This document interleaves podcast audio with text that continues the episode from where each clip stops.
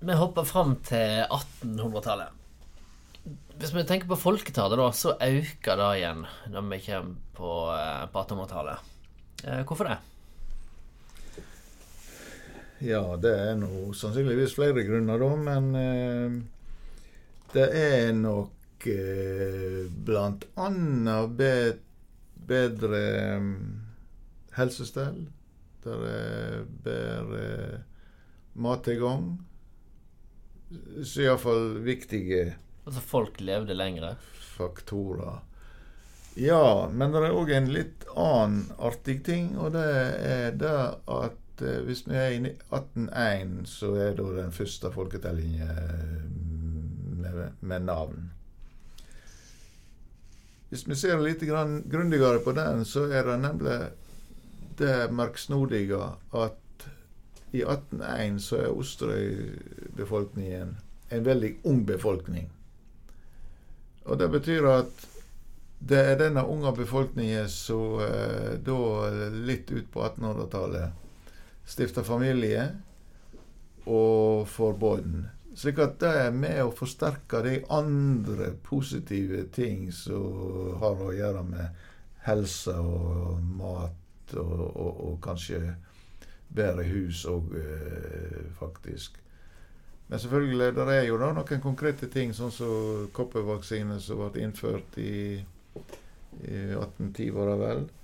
Eh, det kommer til hvert eh, jordmødre i drift. Eh.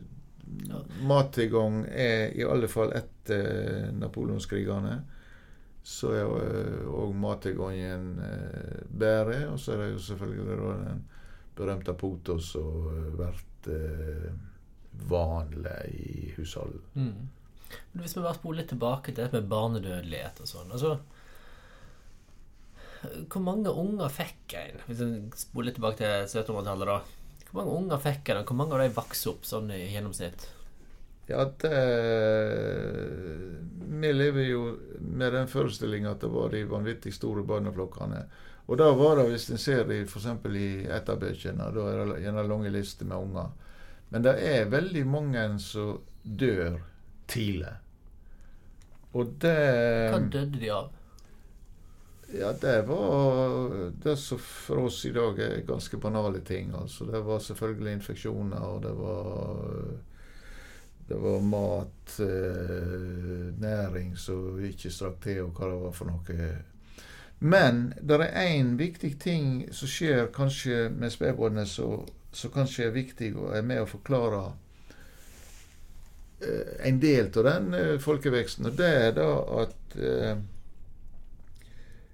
de har, de har Historikerne har gitt inn på hvordan eh, spedbarnet ble eh, behandla og ble mata. Og det er rett og slett at ammeskikkene blir forandra på denne tida. Eh, og de blir forandra slik at spedbarnet blir amma i en mye lengre periode enn hva som var vanlig tidligere. Ja, men hvorfor amma de ikke så lenge før det? Det har sannsynligvis å gjøre med at uh, des, uh, den som hadde født, skulle tidlig i sving igjen i arbeid. Sannsynligvis. Uh, eller er iallfall en del av eh, den forklaringen. Mm. Men eh, i alle fall er det, er det påpekt at uh, ammeskikkene forandrer seg. Og det, og, og det betyr Eller får iallfall den konsekvens at flere spedbarn lever opp enn hva som hadde vært tilfellet tidligere. Mm. Sånn at det òg er med og er ei av forklaringene til den sterke folkeveksten som du får på 1800-tallet. Det er flere ting her som drar i samme retning. Det er nok det, ja. Mm. Til og med noe så eh, enkelt så at huset blir eh, bedre i, den forstand at eh, du får eh, Der lemstoven har vært eh, vanlige. Der du tidligere hadde hatt røykstove, så iallfall i dag blir betrakta som eh, nokså usunne å oppholde seg i hele døgnet, så å si. Mm. Så det er mange ting som etter alt å dømme iallfall er med å forklare dette. her, Og det, det er vanskelig å, å påpeker én bestemt ting. Men hvis vi nå konstaterer iallfall at folketallet vokser, og, men hva konsekvenser fikk det for Osterøy sin del? Ja, det er ikke bare at folketallet vokser, men det vokser dramatisk. I løpet av to generasjoner så blir folketallet praktisk talt dobla. Hva snakker vi om da, i tall? Ja, altså ca. 2800 eh, ostringer hadde vi i 1801 til linje.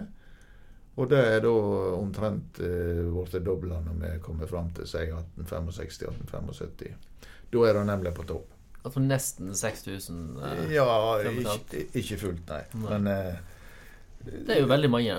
Det er en kolossalt uh, sterk folkeøkning. Og den uh, var jo ikke spesiell for uh, Osterøyene, for dette her er jo noe vi ser i hele landet og i alle lokalsamfunn, egentlig. Men det er jo da veldig mange ting som skjer i både lokalmiljø og kringlinjene bygder som får innvirkning på òg Osterøyene, selvfølgelig. Og det som folk eh, gjør, det er jo selvfølgelig Én ting er det som skjer i miljøet. Du får flere gårder. Altså en del bruk blir delt opp. Altså du får flere levebrød på den måten. Og så er det jo da husmannsvesenet som uh, virkelig kommer i full blomst på 1800-tallet. Men hva, hva et vesen var det egentlig? Ja, det var jo Det er noe vesen som har vært mye diskutert, da, for det har vært veldig vanskelig å påpeke eksakt hva, hva, hva, som ligger i begrepet husmann. For allerede på 1600-tallet så er det nevnt husmenn. Men eh, neppe i den betydning som en tenker på når vi kommer på 1800-tallet. Kanskje var det mer eller mindre det som ellers var kårfolk. Eh. Men i 1801 så er det iallfall nevnt tolv husmenn eh, på Osterøyene. Og i 1875 er det 139. Sånn at det er en veldig auke uh, av husmenn, slik at Og de bruker, de fleste av dem bruker jord, og skaffer seg levebrød på den måten. Men altså en husmann, altså han, får, han, har et hus, og han har en flekt og dyrker mat til sin familie. Ja. Og ellers så jobber han for ja. Det som han kunne dyrke sjøl, var jo vanligvis for lite, slik at det er jo snakk om å, om å ta forefallende arbeid det var å få.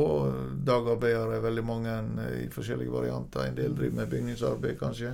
Eller andre ting. Mm.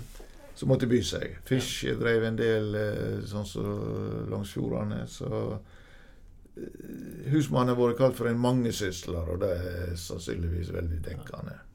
Men altså Det var rett og slett problem til å skaffe nok mat til den befolkningen nå etter hvert på Osterøy? Ja, slik at eh, Altså Folketallet blir jo, uh, jo, så stort at uh, det ressursgrunnlaget som lokalsamfunnet hadde, det blir jo sprengt, blir jo overskredet.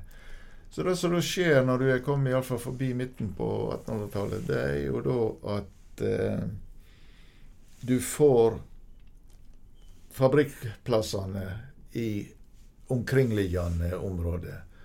Ytterarna, der er første fabrikken eh, bygd i 1846. Og etter hvert blir jo et eh, stort industrisamfunn, eh, iallfall på våre kanter. Og der eh, du får et eh, vrimmel med ostringer som får eh, arbeid. Senere så får du Salhus og Dale og Espeland osv. Veldig mange av de som egentlig var til overs i eh, lokalmiljøet, de, de fikk eh, mulighet til å skaffe seg livsutkomme med å, å, ta arbeid på fabrikkene. Men Bodde de fortsatt på Osterøy, eller flytta de? Den tid var jo kommunikasjonene såpass eh, lite utbygde at uh, de fleste flytta. Og det var jo typisk med de fleste fabrikkplassene. Det var bygd uh, store arbeiderboliger var jo vanlig. Mm. Så de fleste flytta nok. Og eh, i tillegg til fabrikkarbeid i området, så er det jo utvandringen til Amerika. Der får jo uh, veldig mange etter hvert. Vet vi hvor mange? Ja, hvis vi er i den perioden som vi har eh, immigrantlistene, fra 1874 til 1930, så er det 1300-1400 ostringer som utvandrer. Noen i, i det tallet de er da hjemme på besøk, slik at de har talt det kanskje to ganger. Mm. Noen til og med av tre. Men, eh, men altså det er et ganske stort tall som Ja. utvandrer. Men likevel er det færre ostringer som utvandrer relativt sett enn ifra ekstreme utvandringsbygder, sånn som Ind- Indre Sogn og, og den eh, typen bygder. Og det har å gjøre med at det var så mange som kunne få arbeid i nærmiljøet, altså på fabrikkplassene. Ja, så industrien var en buffer på en måte mot, de, mot Absolutt. utvandringen? Absolutt. absolutt. I tillegg så kom jo da at Bergen var i veldig ekspansjon eh, på slutten på 1800-tallet. Og veldig mange eh, kunne jo få arbeid i eh, byen. Mm.